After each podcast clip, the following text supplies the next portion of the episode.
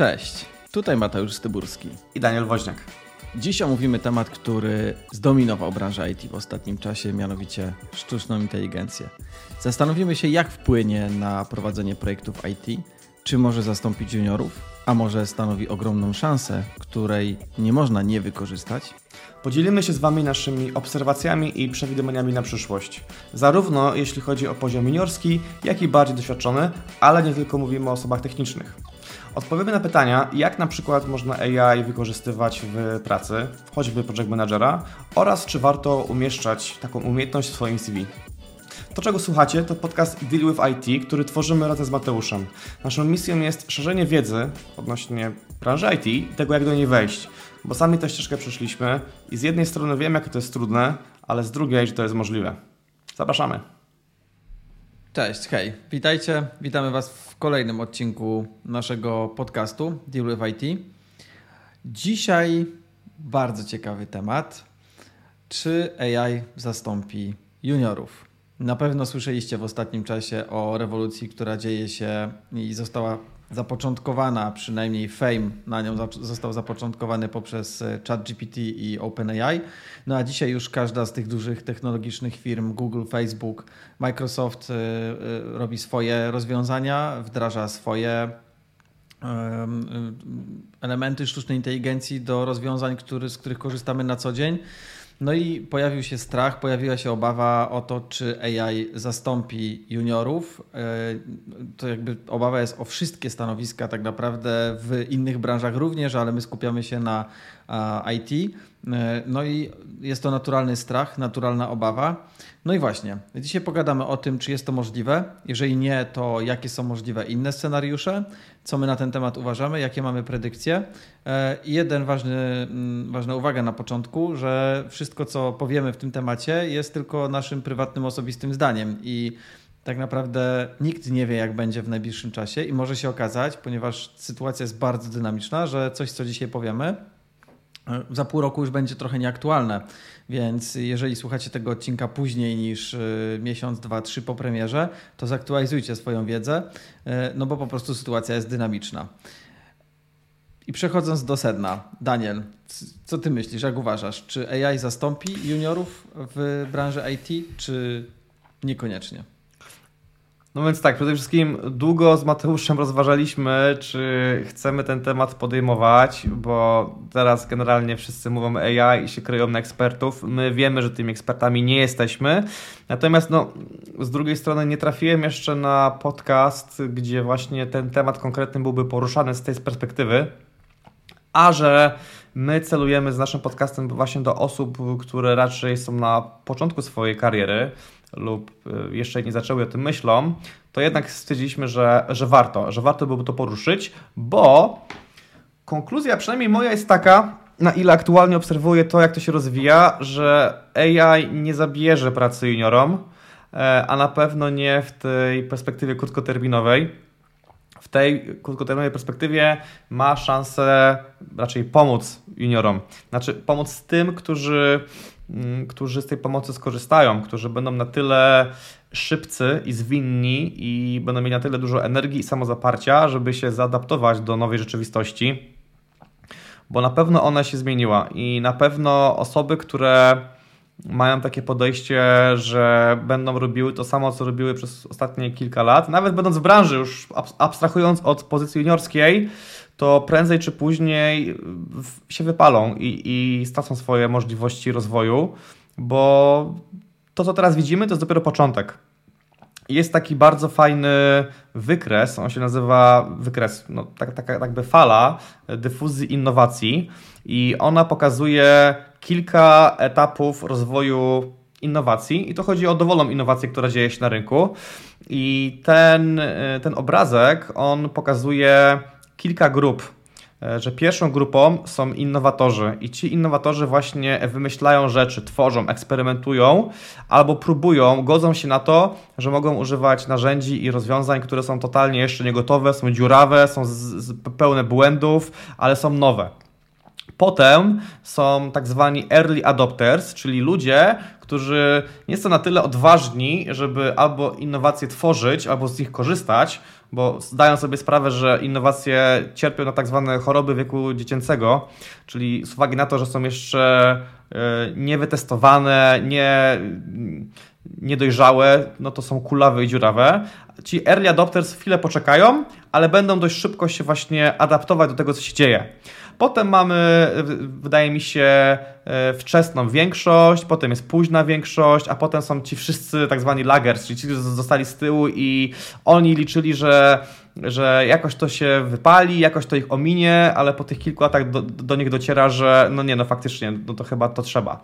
Więc w tym momencie, jeżeli słyszycie dużo o AI, o sztucznej inteligencji, jeżeli ona zalewa wasze feedy, czy to facebookowe, czy to linkedinowe, to to jest dobra informacja i dla Was gratulacje, bo to oznacza, że przynajmniej się ocieracie o tą grupę early adopters. W mojej ocenie właśnie teraz early adopterzy to są osoby, które słuchają, rozmawiają i zaczynają to AI wykorzystywać.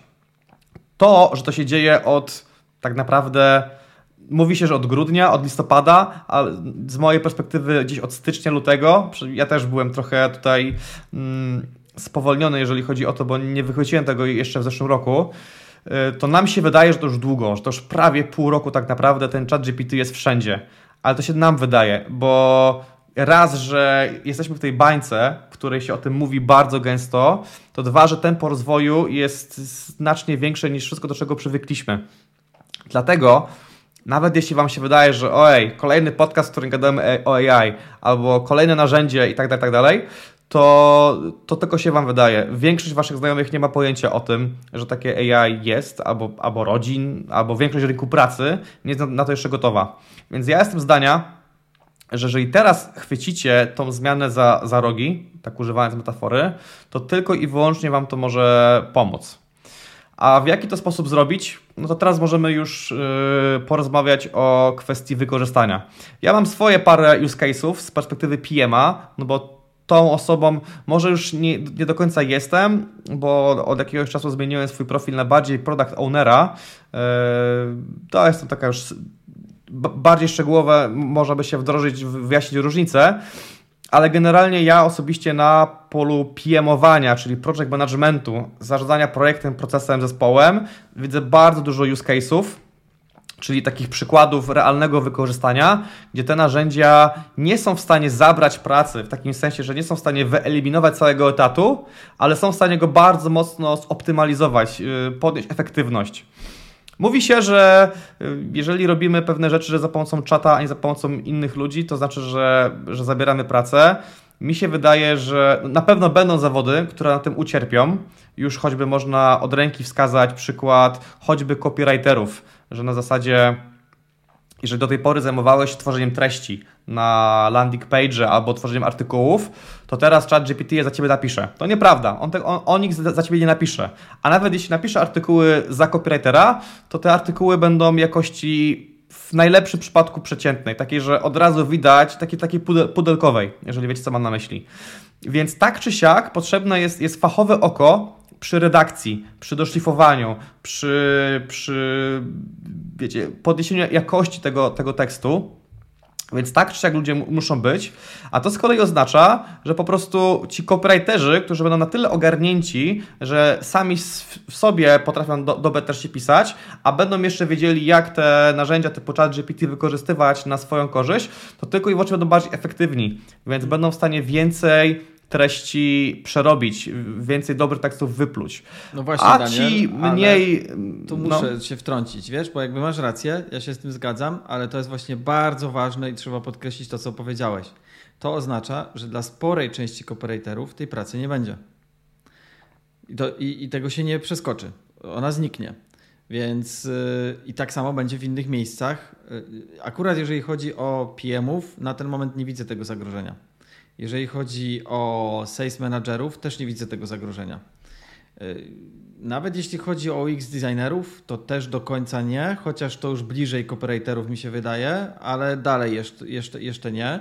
Natomiast akurat tu w tym przykładzie, który dałeś, no to, to, to, to jest trzeba podkreślić. Nie wiem, czy się zgadzasz, ale że pracy dla, myślę, że nawet większej części copywriterów po prostu nie będzie, bo większa część copywriterów jest przeciętna. No, nie może się tak, większość wyróżnić. I to jest, i to jest i to jest clue. Zgadzam się jak najbardziej, że ta zmiana wygryzie przeciętniaków. Przez przeciętniaków mamy na myśli osoby, które po prostu no, nie, nie, oceniając personalnie, kto ma do czego talent, predyspozycję albo zaangażowanie, bo czasami można mieć mniejszy talent, ale na tyle duże zaangażowanie, że mimo wszystko się tym nadrabia, tak, to przeciętniaki zostaną faktycznie tym, tym wygryzeni. Ale osoby, które do do, do tej pory były dobre, i te narzędzia zaczną wykorzystywać, żeby swoją efektywność jeszcze podnosić, no to nadal będą to, to robiły, co, co robią. Dokładnie. Więc jeżeli jesteś w sytuacji, w której AI zabrało ci pracę, no to, to może zabrzmieć brutalnie i, i może jestem faktycznie na tyle miejscu uprzywilejowanym, że mi to łatwo mówić. Ale na, na ten moment przynajmniej jestem zdania, że to jest trochę twoja wina, to jest trochę twój problem, że albo twój skill był na tyle niski i go nie podnosiłeś, nie szlifowałeś, nie goniłeś za, za trendami, albo po prostu się do nich nie zaadaptowałeś, że ktoś inny, kto to zrobił, no rynek pracy zweryfikował, że, że, że był lepszy. Tak jest może kontrowersyjna opinia, ale szczerze mówiąc, tak na, na ten moment myślę.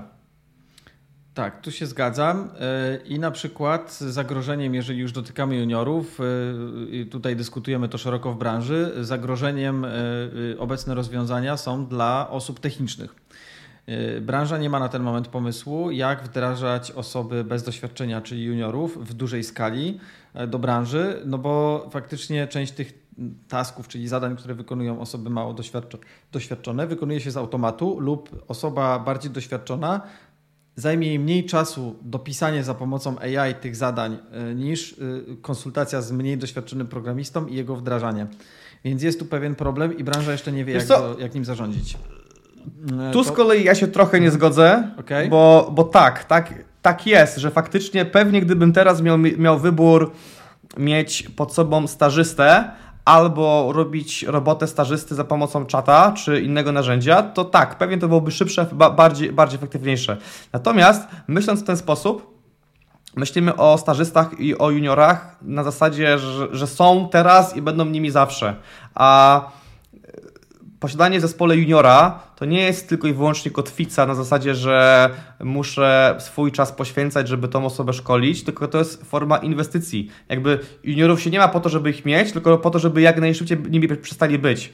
Więc, tak, tylko że dzisiaj e, branża jest... To się łączy... Jak no tak, to się łączy z tym, o czym mówiliśmy... Tak, tak, tak, więc e, uważam, że jeżeli ten kryzys się skończy, albo tak jak mówiliśmy, będziemy za rok i już faktycznie te perspektywy będą trochę lepsze, trochę się to wszystko odmrozi i ruszy, to pomimo tego, że zakładam, że jeszcze ta cała, cały rynek e, nie zdąży zaadaptować tych wszystkich narzędzi, to wtedy dopiero się pokaże ich ta e, ta przydatność dla juniorów, bo one nie będą wygryzały, bo nadal będzie się brało juniorów, choćby po to, żeby w ciągu pół roku do roku stali się midami, a w ciągu lat pięciu seniorami, więc to nadal jak, będzie jak potrzeba będzie na osoby. Jest, jest, to możliwe. E, natomiast y, tak. nawet jeśli, to, to ryzyko w tej chwili, ja, ja go nie widzę dla osób nietechnicznych i ono jest, myślę, że ich pozycje są niezagrożone od strony AI, bo od strony rynku tak, ale od strony AI przez najbliższe 4 do 12 kwartałów, że jakby nie widzę tutaj takiej rewolucji, która mogłaby spowodować, że ich praca będzie niepotrzebna. Wręcz, tak jak powiedzieliśmy na początku odcinka, ja przewiduję, że to zapotrzebowanie będzie jeszcze większe, bo będzie potrzeba więcej wdrożeniu klientów. Firmy pójdą w tej chwili w transformację AI, w tej chwili, za kilka kwartałów zaczną te transformacje robić i będzie potrzeba więcej osób wdrażających. A znowu, żeby wdrażać rozwiązania AI-owe, czy gotowe, czy customowe, nie trzeba być specjalistą od AI od tego są programiści, którzy też nie są do końca specjalistami od AI. W sensie, że nie będą musieli być, żeby wdrażać te narzędzia. Część z nich tak, ale nie wszyscy.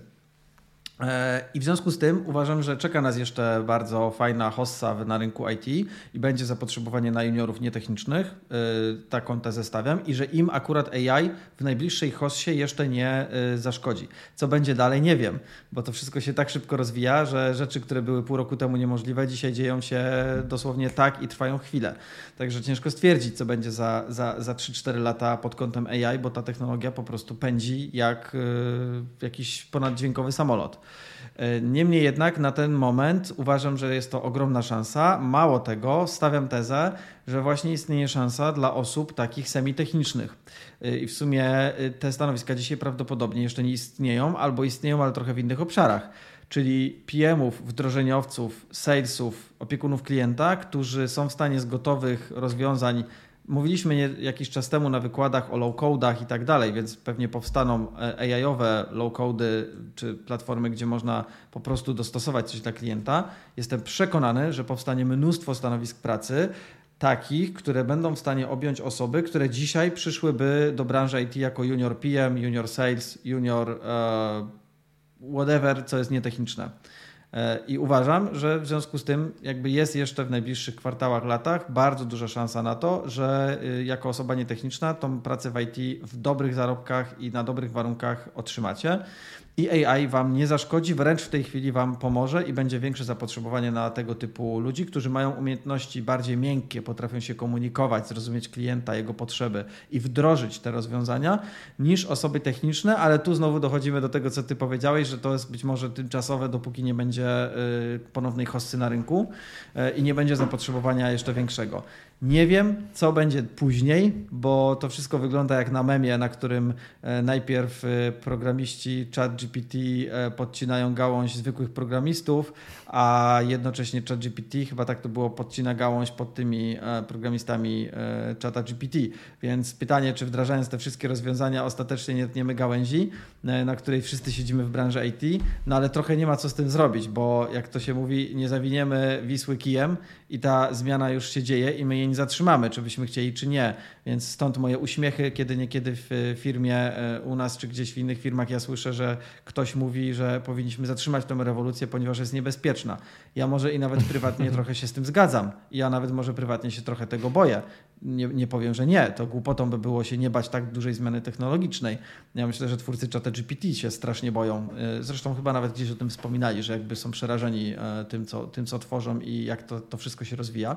Natomiast to już się wylało i tego nie cofniemy. I przestańmy się skupiać, jeżeli ktokolwiek z Was tam się prywatnie nie zgadza i buntuje, no to macie do tego prawo. Ja, ja również się trochę z tym nie zgadzam, ale i co w związku z tym? Czy ja zatrzymam rewolucję? Czy ta moja jednostka spowoduje, że rewolucja się nie będzie działa? No absolutnie nie. Więc po prostu, jeżeli nie mogę tego zwalczyć, to się do niej przyłączyłem i w tej chwili jestem turbo zaangażowany i możliwości są przeogromne i również to samo radzę Wam bo ta technologia i tak się zadzieje, czy z wami, czy bez was. Jest takie sformułowanie, które często teraz krąży po internecie i ja, ja się z nim w pełni zgadzam, że AI nie zabierze ci pracy, osoba, która z AI korzysta, ci zabierze pracę. To jest pełna zgoda, też tak myślę. Pełna zgoda z tym również, że trzeba się zaadaptować, no bo nie zatrzymamy rozwoju technologicznego. I też w kilku mądrych podcastach słyszałem, że predykcja jest taka, że najważniejszą umiejętnością w naszej dekadzie, czyli przynajmniej do 2030, bo potem to już nie ma sensu prognozować, jest umiejętność uczenia się. I tu chodzi o to, że nie wiemy, co się wydarzy, w sensie nie wiemy, gdzie nas ta technologia zaprowadzi, ale na pewno wiemy, że, coś, że rzeczy będą się zmieniały i będzie bardzo dynamicznie, będzie coraz bardziej dynamicznie niż, niż, niż jest teraz. Więc umiejętność takiego zaadoptowania się i chłonięcia nowej wiedzy będzie chyba najważniejszą umiejętnością, jaka, jaką możemy sobie szkolić. Nie wiem natomiast, jak tą umiejętność, szczerze mówiąc, tu i teraz szkolić. Znaczy, wiem, no, trzeba po prostu próbować, trzeba mieć otwartą głowę.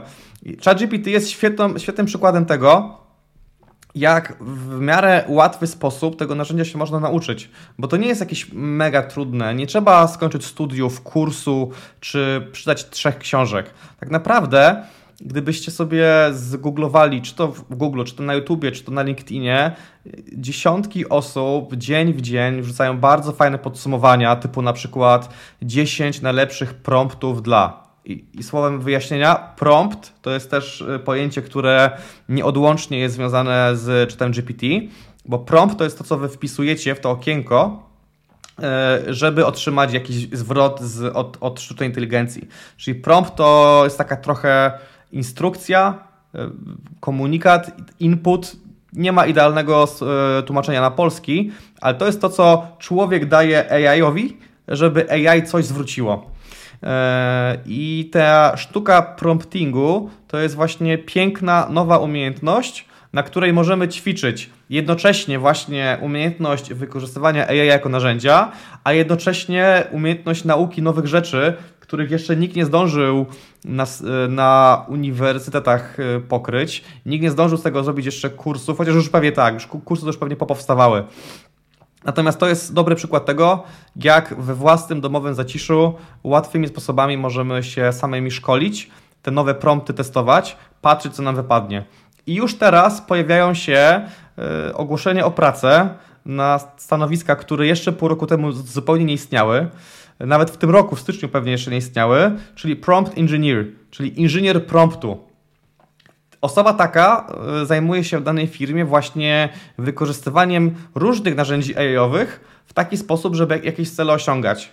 Najprostszym przykładem są dwa, dwa przykłady, czyli właśnie ChatGPT jako e, text to text, czyli dajemy wytyczne pisane, otrzymujemy tekst e, zwrotny oraz text to image, czyli na przykład Mid Journey. To jest najpopularniejsze narzędzie, które możemy tekst, tekstowymi instrukcjami otrzymywać zwrotkę z jakimiś obrazami, które są wygenerowane.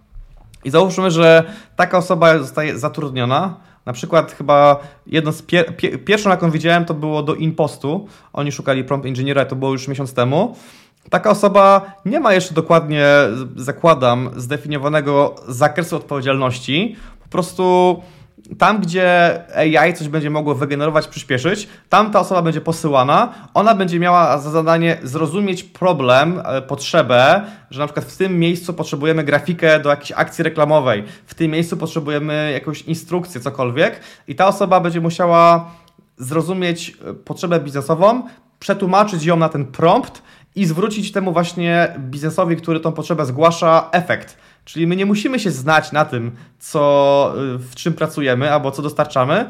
Musimy tylko wiedzieć, jak, jak to przetłumaczyć. To dosłownie tłumaczenie z ludzkiego na język sztucznej inteligencji, żeby coś dostać z powrotem. I to jest piękny przykład tego, jak tu i teraz możecie stać się juniorami w zupełnie nowej gałęzi, która pół roku temu jeszcze nie istniała, tylko i wyłącznie na przykład sobie ćwicząc prompty, czy to graficzne, czy to tekstowe. Zgadzam się całkowicie. E, oczywiście bardzo często przy tym promptingu przyda się wiedza biznesowa zdobyta wcześniej, e, czy biznesowa, czy procesowa, czy projektowa. Niemniej jednak y, dalej jest tu pole dosyć szerokie dla osób, które w ogóle nie mają żadnego doświadczenia, no bo na pewnej płaszczyźnie wszyscy startujemy od zera. I trochę a propos tego bycia ekspertem, e, no jak wiesz, my trochę wchodzimy w to AI i no jakby teraz kwestia definicji, nie? no bo jasne, że ja nie jestem, ani G-Group nie, nie, nie jest jakby ekspertem w rozumieniu takim eksperckości, no bo powiedziałbym, że ekspertem to są ludzie, którzy od 2016 roku siedzą nad y, AI. Natomiast y, pytanie o płaszczyznę, no bo znowu, jeżeli mówimy o aktualne rozwiązania AI, integrację, a my siedzimy nad tematem od grudnia, temat jest dostępny publicznie od listopada, no to kto jest większym ekspertem niż my? No ktoś, kto siedzi od listopada, a jeżeli prawie nikt z Polski nie działa w tym od listopada, tylko właśnie w grudniu, w styczniu firmy zaczęły w to wchodzić i to pojedyncze, no to jesteśmy ekspertem czy nie? Obiektywnie rzecz biorąc, to takim kiepskim, no bo raptem pół roku doświadczenia i też tego nigdzie nie ukrywamy, no bo ciężko jest mieć więcej. I podobnie było z technologiami, które wchodziły w branżę IT wcześniej. One były dużo mniejsze e, i technologie, i rewolucje, ale każdy nowy framework, który wchodził. No i e, jakby często na przykład a propos programistów, to kojarzę sytuacje, w których był poszukiwany programista, który w danej technologii był seniorem, mając doświadczenie rok no bo ta technologia nie istniała dłużej, ona istniała rok. I trochę tak to wygląda właśnie teraz AI i. Ten moment się za chwilę skończy z jednej strony, a z drugiej strony co chwilę wychodzą nowe jakby mini rewolucję w ramach tej rewolucji AI, więc cały czas jest jeszcze pole do tego, żeby bardzo szybko stać się quasi-ekspertem, a przynajmniej bardzo dobrze, jednym z lepiej zaznajomionych ludzi, Natomiast y, problem jest, problem, wyzwanie, ale to w związku z tym też jest plus, jest taki, że do tego wszystkiego istnieje relatywnie mało materiałów i relatywnie mało szkoleń. Trzeba tą wiedzę zdobyć samemu. I tak jest dużo prościej niż wiele lat temu z innymi tematami, ponieważ jest YouTube. Te wszystkie rzeczy są już tłumaczone, nawet jeżeli nie po polsku, to po angielsku. Jest mnóstwo takich podcastów jak nasz i dużo bardziej szczegółowych, opisujących konkretne narzędzia, rozwiązania. E, no ale dalej to jest samo nauka, samoświadomość i to jest takie zdobywanie wiedzy na własną rękę. To to jest szalenie istotne i naprawdę może się okazać, że da Wam szansę na przeskoczenie y, kilku kroków do przodu względem innych. Zupełnie bez doświadczenia, po prostu metodą prób i błędów, bo nie ma ekspertów w tym zakresie, bo po prostu nie może ich jeszcze być. Albo jeżeli są, to są eksperci z takim doświadczeniem jak nasze, czyli jesteście w stanie ich w miarę szybko dogonić. To jest, to jest moje zdanie i moja Prawda. perspektywa, którą e, obserwuję tak e, w ostatnich miesiącach. A pierwszy raz w życiu miałem okazję Dlatego... wsiąść do pociągu, który dopiero ruszał. Zawsze wsiadałem do pociągu, który już jechał. Cał, całkiem przyjemne. Dlatego bezpieczniej się nazywać nie ekspertem, a early adopterem. To teraz myślę, że jest coraz, coraz bardziej trendy. Natomiast tak, reasumując, uważam, że to jest moment, w którym chat GPT Mid Journey czy dowolne inne z pewnie setek narzędzi AI-owych powinno stać się elementem waszego CV. Czyli tam, gdzie do tej pory w CV się wpisywało narzędzia typu, nie wiem, Trello, e, Jira, e, Adobe XD, Figma, zależnie od zawodu, tam teraz na, na równi można wklejać właśnie AI i konkretne narzędzia. Na przykład ktoś mnie pytał ostatnio, czy to dobry pomysł, na przykład, żeby powiedzieć na rozmowie rekrutacyjnej albo na kwalifikacyjnej, że y, używałem, używałam AI, żeby na przykład ten tekst wygenerować albo ten element mojego, mojego portfolio, na przykład to jest y, przy projektantach, którzy muszą tworzyć jakieś wizualne ele elementy strony i tam często się jakieś teksty wpisuje i zamiast lorem ipsum, który jest takim typowym za za zaślepką, żeby jakiś tekst był, jakikolwiek, to czy można mówić, że AI? I chyba nie, no bo skoro użyłem AI, to znaczy, że sam nie potrafię. Absolutnie się z tym nie zgadzam. Używajcie AI, chwalcie się, że go używacie, bo jeżeli jakaś firma, do, do której się rekrutujecie, jest chociaż trochę ogarnięta, to ona to doceni, że idziecie za trendami i że używając tych narzędzi, dodatkową wartością jest to, że może jakieś usprawnienie w samej firmie wprowadzicie, które do, tam jeszcze nie istnieje. Bo pamiętajcie, że szybkość, z jaką wy osobiście, personalnie się uczycie tego, jak te narzędzia wykorzystywać na swoją własną korzyść, jest dużo, dużo większa niż szybkość, jaką się uczy firma. Firma, organizacja, zespół to jest organizm ułożony z wielu, wielu, wielu różnych małych elementów i on zawsze jest wolniejszy, jest mniej zwrotny, jest, jest tak duży, duży statek, jest mniej zwrotny niż, niż mały statek. Dlatego wbrew pozorom, wy aplikując na stanowisko juniorskie do powiedzmy małej firmy typu 50-100 osób, wy już możecie mieć większą wiedzę o AI i większe doświadczenie niż ta firma jako, jako, jako organizm, jako byt.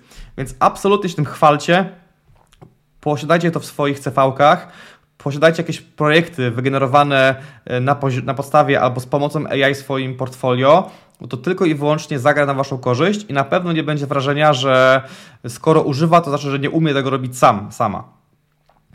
Także taki mój komentarz, jeżeli chodzi o AI odnośnie CV. A Mateusz, powiedz, jak Ty byś odebrał CV na rekrutacji, w którym zobaczyłbyś yy, jako pozycję AI? Wiem, trochę nadałem, nadałem kierunku rozmowie, ale w sumie jestem ciekaw, jak Ty byś do tego podszedł. Hmm. Fakt, że ja już nie biorę udziału w rekrutacjach od dobrych dwóch lat, więc yy, muszę sobie przypomnieć, jak to było. Um, mam obawę, że gdyby to trafiło na jakąkolwiek osobę od nas z firmy poza dwiema, które są mocno zaangażowane w AI, to nie wzbudziłoby to ogromnej ciekawości. U mnie najpierw by wzbudziło takie zastanowienie, co się za tym kryje, bo prawdopodobnie nie byłoby to szczegółowo opisane. Na pewno wzbudziłoby ciekawość i zwróciłbym uwagę na to CV i zaprosił gdyby reszta rzeczy się zgadzała, to byłaby większa szansa, że tą osobę zaproszę na rozmowę i na pewno bym podpytał, a co robisz, co wiesz? I chciałbym sprawdzić, czy ktoś, e, bo jest jedno ryzyko i to by mi lampkę zapaliło, że ta osoba może faktycznie mm, przetestowała pewne rzeczy i już umie korzystać i wie, jak to działa, a równie dobrze mogła być to osoba, która bawiła się tylko z tym troszeczkę i umie na zasadzie Worda, nie? że jakby umie pisać. I ja też umiem napisać coś w czacie mhm. GPT, ale kwestia do, do, dobrego spromptowania, jak mówiłeś. I y, damy przykład tak. chyba taki praktyczny od nas z firmy. Mamy sales managerkę Martę, pozdrawiam, jeżeli tego słuchasz, która e, no, przez nas została przeszkolona. Sama oczywiście dużo też włożyła pracy, natomiast no, została przygotowana przez nas do używania czata GPT w celach y, przyspieszenia swoich procesów sprzedażowych. I jestem przekonany, że jeżeli Marta, a kiedyś przyjdzie taki moment, postanowi rozwijać swoją karierę poza strukturami naszej organizacji, po prostu zmieni firmę, to będzie to jej niesamowity atut. Nawet jeżeli y, to stanie się pewnego rodzaju standardem, to ona jest early adopter. Ona korzysta z tego, od, pracuje z nami od lutego i od lutego korzysta z tych rozwiązań i jestem przekonany, że na rynku się wyróżnia w tej chwili. Nawet nie wiem, czy jest świadoma swojej przewagi w tym zakresie.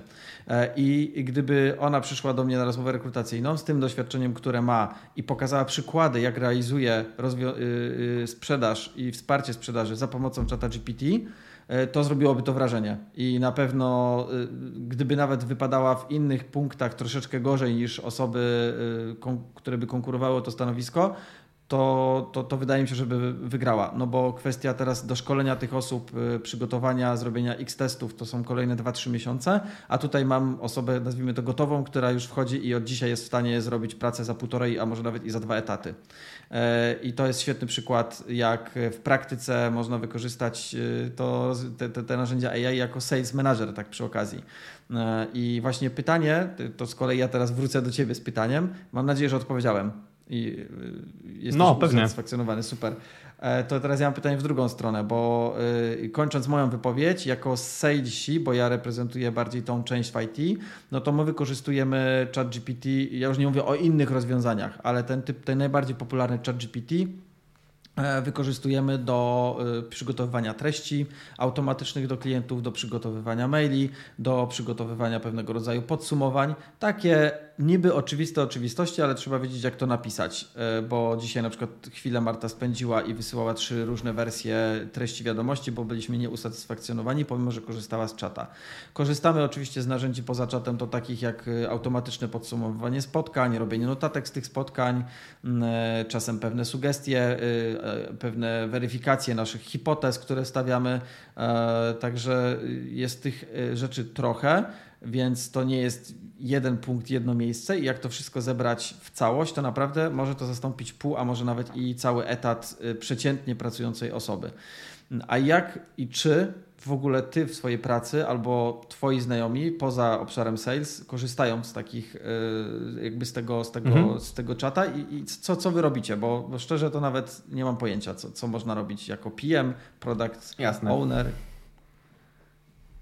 Jasne. PM, czyli project manager, mam, wydaje mi się, bardzo dobrą sytuację, jeżeli chodzi o czat, bo jest dużo use case'ów, czyli przykładów wykorzystania, w których czat może pomóc a z kolei nie widzę za bardzo opcji, żeby czat mógł zastąpić, a czat, dowolne AI mogło zastąpić PM-a. Bo PM to jest osoba, która jest odpowiedzialna za to, żeby generalnie projekt szedł do przodu, a finalnie dojechał w czasie, zakresie i budżecie. I ten core tak naprawdę naszych odpowiedzialności i naszej pracy to jest komunikacja, to jest bycie w centrum wydarzeń, to jest włączenie kropek, słuchanie ludzi, rozmawianie z nimi, domyślanie się kto czego potrzebuje, szukanie pomysłów jak można jakiś problem rozwiązać. I gdyby sobie tak to narysować jako takie powiedzmy koło, to myślę, że ten obwód koła na takim poziomie 30%, 40% może nawet, to są takie zadania, powtarzalne, które zabierają dużo czasu, wymagają dużo ekspertyzy, na przykład, nie wiem, stworzenie e, work breakdown structure dla projektu, czyli takiego podziału pracy e, na kilku etapach zagnieżdżenia. E, a, i, to, I to jak najbardziej może być niemalże zastąpione przez AI, ale ten rdzeń, to co faktycznie sprawia, że jesteśmy, że jesteśmy dobrymi PM-ami, na ten moment nie widzę potencjału, żeby to mogło być przejęte przez maszyny. Tak naprawdę już, już, już od dawna można było e, tak skonfigurować Slacka. Slack to jest komunikator, jeden z najbardziej popularnych takich komunikatorów biznesowych, czyli do takiej pracy zespołowej. Już tak można było go skonfigurować, żeby on w pewien sposób Piema zastępował, czyli na przykład miał takie algorytmy, albo bardziej automatyzację że na, nie wiem, codziennie rano wyślij wiadomość do każdego z członków zespołu, żeby ta osoba odpisała, jaki ma plan dzisiaj zrobić. I to jest takie typowe daily y, zespołowe, tylko że rozbite na zautomatyzowany i asynchroniczny proces. Ale to nie działa, w sensie ludzie nie chcą pisać z automatami.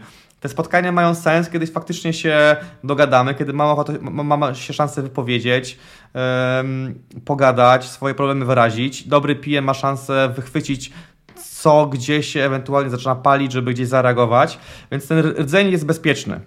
Natomiast, tak jak powiedziałem, jest cała, cały wachlarz narzędzi, no, zadań, które można sobie w dużym stopniu uprościć.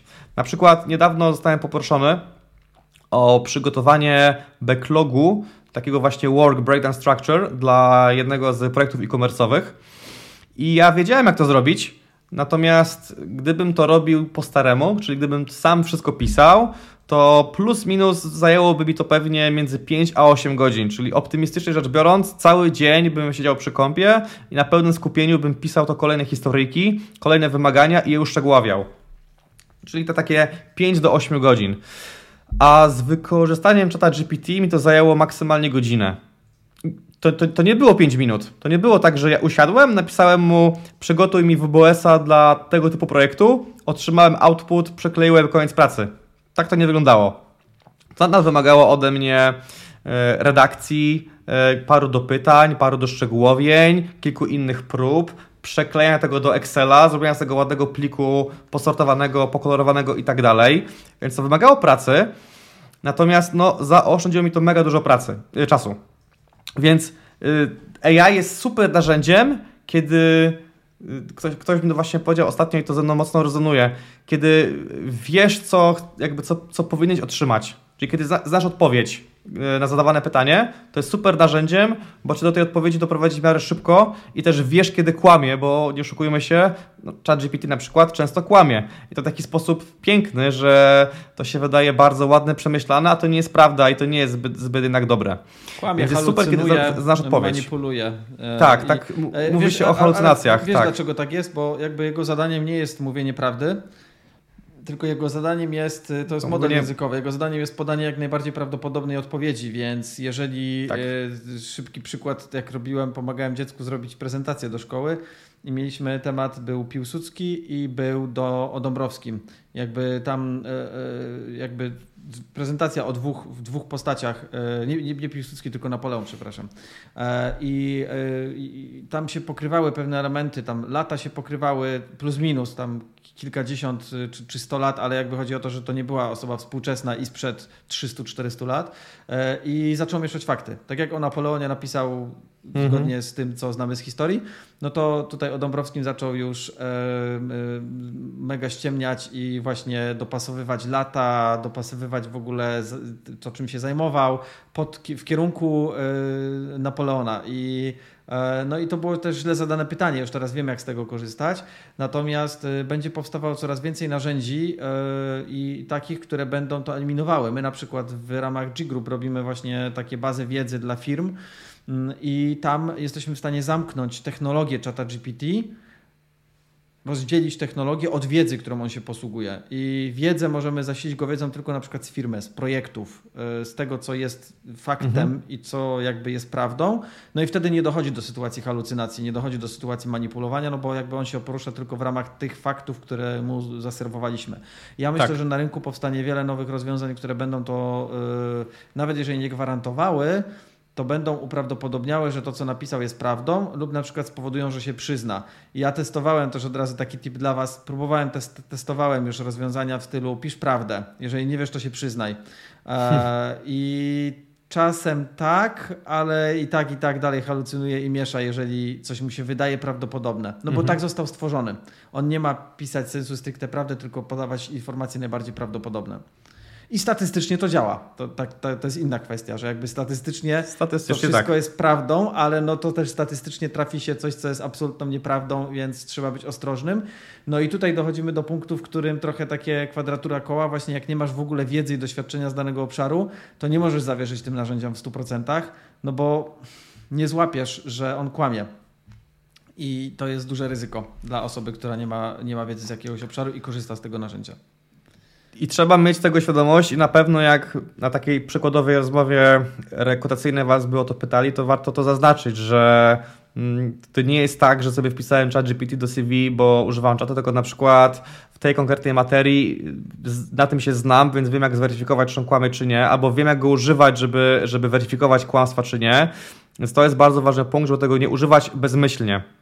Więc ja w swoim przykładzie, kiedy chciałem taki backlog zadań wygenerować, to ja wiedziałem, co będzie do, do, dobrą odpowiedzią. Kiedy on mi faktycznie wypluł całą listę kilkudziesięciu user stories z kryteriami akceptacji, czego stworzenie Biby zajęło, tak jak mówiłem, przynajmniej 5 godzin, ja to wystarczyło, że przejrzałem i wiedziałem, że jest ok. Tam troszkę pozmieniałem, ale to były, to były bardziej szlify niż, niż jakaś rewolucja. Natomiast y, co zrobić jeszcze, albo jak może to być wykorzystywane przez PM-ów konkretnie w, w innych celach? E, na pewno gdybym teraz zaczynał jakiś nowy projekt jako, jako PM, to niezależnie od mojego doświadczenia lub braku, na pewno bym zapytał czata GPT, że rozpoczynam taki taki projekt, na przykład aplikację mobilną, a wcześniej robiłem tylko aplikacje webowe. E, powiedz mi, na co powinienem zwrócić uwagę, o czym powinienem pomyśleć wcześniej, e, żeby się dobrze przygotować, żeby mieć jakieś obszary przynajmniej zmapowane, na, na których się nie znam, albo o których nic nie wiem i potem je osobno pogłębiać. Więc to jest jakiś taki use case, bardzo prosty, bardzo przyjemny, żeby szybko taki ogólny landscape złapać. Landscape to jest taki przekrój, czyli nie wchodzimy w jakieś mega szczegóły, typu y, jakieś takie no, techniczne naprawdę detale, tylko ogólnie opowiedz mi o tej specyfice, o, te, o tego typu projektach, jakie tam są główne kategorie albo główne wyzwania. To jest jeden przykład. Inny przykład, który jest totalny też podstawowy i bardzo łatwy, to są agendy spotkań. Wbrew pozorom, kiedy my jako PMI mamy do organizowania jakieś spotkanie, e, to agenda może być dużym wyzwaniem, bo jak, jak tego typu spotkania albo warsztatu nie prowadziliśmy wcześniej, to możemy trochę mieć e, mechanizm białej kartki, czyli nawet nie wiemy od czego zacząć. A taka agenda którą nam czat wypluje w oparciu o konkretny motyw tego spotkania albo potrzebę, już może być fajnym punktem wyjścia. No znowu, musi ona być zweryfikowana, ale na takim poziomie szczegółowości albo specjalizacji raczej nie wydaje mi się, żeby dochodziło do kłamstw, bo, bo znowu kłamstwa i halucynacje się pojawiają, kiedy pytamy o coś bardzo konkretnego, co ma jednoznaczną odpowiedź. E, jest często szczegółowe i specjalistyczne. Nawet jeżeli to są fa fakty historyczne, to są już konkretne fakty historyczne. A tutaj mówimy bardziej o takie podejście, e, o czym warto pomyśleć. No, pytając o agendę na spotkanie, raczej nie ma szansy, żeby nam jakąś taką totalną bzdurę dał, więc myślę, że na tym możemy się opierać nawet bez większego wglądu albo doświadczenia. Co jeszcze? Na pewno super case'em są ryzyka. E, ryzyka w zarządzaniu projektami to jest bardzo ważny element, który często jest pomijany, E, bagatelizowany, albo po prostu nie wiemy, jak do niego podejść, jak się za niego zabrać.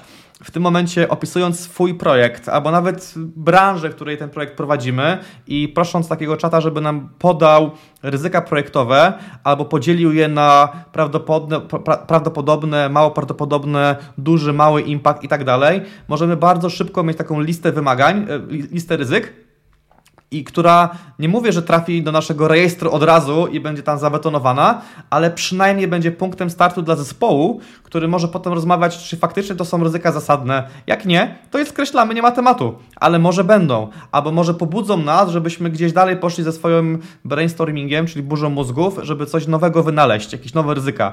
Więc super spełnia rolę takich właśnie, jak to się nazywa, takich. Yy, takich triggerów do, do myślenia w jakimś kierunku, takich punktów odniesienia albo punktów startu. Także agendy, ryzyka, yy, szablony pod raporty. No, praca PMA to są często żmudne raportowanie, podsumowywanie sprintów albo jakichś etapów, milestone'ów, budżetów.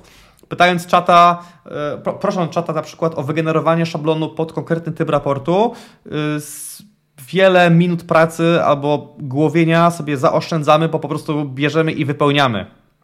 To jest kolejny element.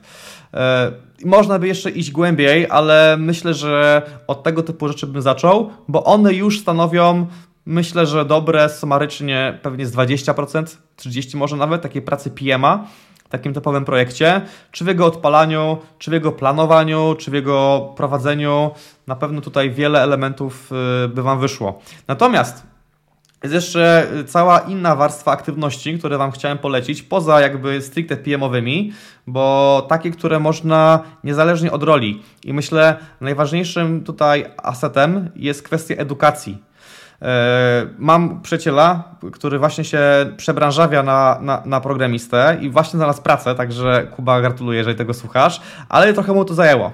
E, I sam powiedział, że dopóki się uczył sam, czyli z kursów i z książek, to jakoś tam szło, ale odkąd odkrył ChatGPT i to, jak on strasznie może przyspieszyć y, samą warstwę edukacji, to po prostu był w niebie, bo nagle w dwa miesiące nauczył się tyle, ile pewnie w poprzedni rok, bo po prostu czego, czego nie wiedział albo czego nie rozumiał, to dopytywał i pogłębiał, albo kazał czatowi siebie challenge'ować, czyli na przykład... Yy, przeprowadź ze mną rozmowę rekrutacyjną. Jesteś taką taką osobą, taką taką firmą, rzuć mi wyzwanie, albo sprawdź moje umiejętności, albo sprawdź, y, zadaj jakieś trudne pytania i potem oceń moje odpowiedzi. Tego typu prompty, czyli właśnie formy komunikacji z AI-em, bardzo mogą Wam pomóc w edukowaniu samych siebie, w przygotowaniu siebie do rozmowy albo do całego procesu rekrutacyjnego i są naprawdę, yy, dają fajne efekty. Albo CV Możemy na przykład wrzucić takiemu czytowi nasze CV i powiedzieć yy, ocenie, czego w nim brakuje, yy, na co byś uwagę zwrócił jako powiedzmy doświadczony HR manager czy rekruter i również możemy bardzo łatwo i bardzo szybko swoje CV podpicować, e, podnieść na wyższy poziom, doszlifować. Więc to takie myślę elementy, które każdy od zaraz, praktycznie bez większego doświadczenia może wypróbować na własnej skórze i już podniosą wa Wasze szanse i, i skuteczność w, w rekrutacji. Wow, to na wiedzy. Dzięki Daniel za podzielenie się. Nie, nie myślałem, że aż w tylu obszarach można wykorzystać e, jakby czata. A to i tak wierzchołek górodowej, bo to są rzeczy, na które wpadliśmy jakby teraz. Tak naprawdę to, jak to się rozwija, jakie dodaje możliwości, to w tym momencie już tylko i wyłącznie nas y, ogranicza kreatywność. Czyli jest jeszcze milion lepszych sposobów, na które jeszcze nie wpadliśmy, albo o których jeszcze nikt nie napisał, bo dopiero teraz powstają. Teraz ktoś wpada, że to można zrobić. Sami twórcy ChatGPT mówią, że oni nie mieli pojęcia, w jaki sposób ich narzędzie, które sami stworzyli, może być wykorzystywane i nie mieli pojęcia, że to narzędzie może takie, taki output, czyli te jakby z, z, zwracać efekty, produkty. Więc jeszcze wiele, wiele przed nami to jest tylko i wyłącznie wierzchołek góry lodowej. Ale już teraz możemy z niego czerpać na swoją korzyść. Dzięki Daniel. Myślę, że to, to już temat w pełni wyczerpany, jeżeli chodzi o, o ten obszar. E, cóż, no podsumowując, ja nie bałbym się, że AI zastąpi juniorów, szczególnie tych nietechnicznych. Raczej roz, e, jakby rozpatruję to w formie szansy i właśnie możliwości rozwoju i wręcz przyspieszenia waszych karier, niż tego, że w najbliższym dającym się przewidzieć czasie e, AI was po prostu zastąpi.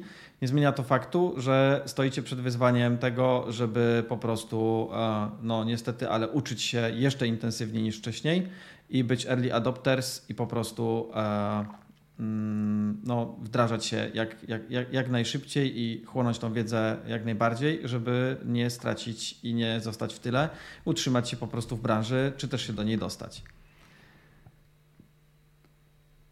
Coś Ponów dodać? Pozostaje nam nie, nic, nic do dodania. Myślę, że już na ten moment, ile wiemy, się podzieliliśmy, żeby nie wchodzić w zbytnie szczegóły. Pozostaje życzyć Wam powodzenia, mieć otwarte głowy. Dzięki za wysłuchanie dzisiejszego odcinka. Oczywiście jesteśmy wdzięczni za każdego suba, za każdego share'a. Podzielcie się ze znajomymi e, tym czy innymi odcinkami.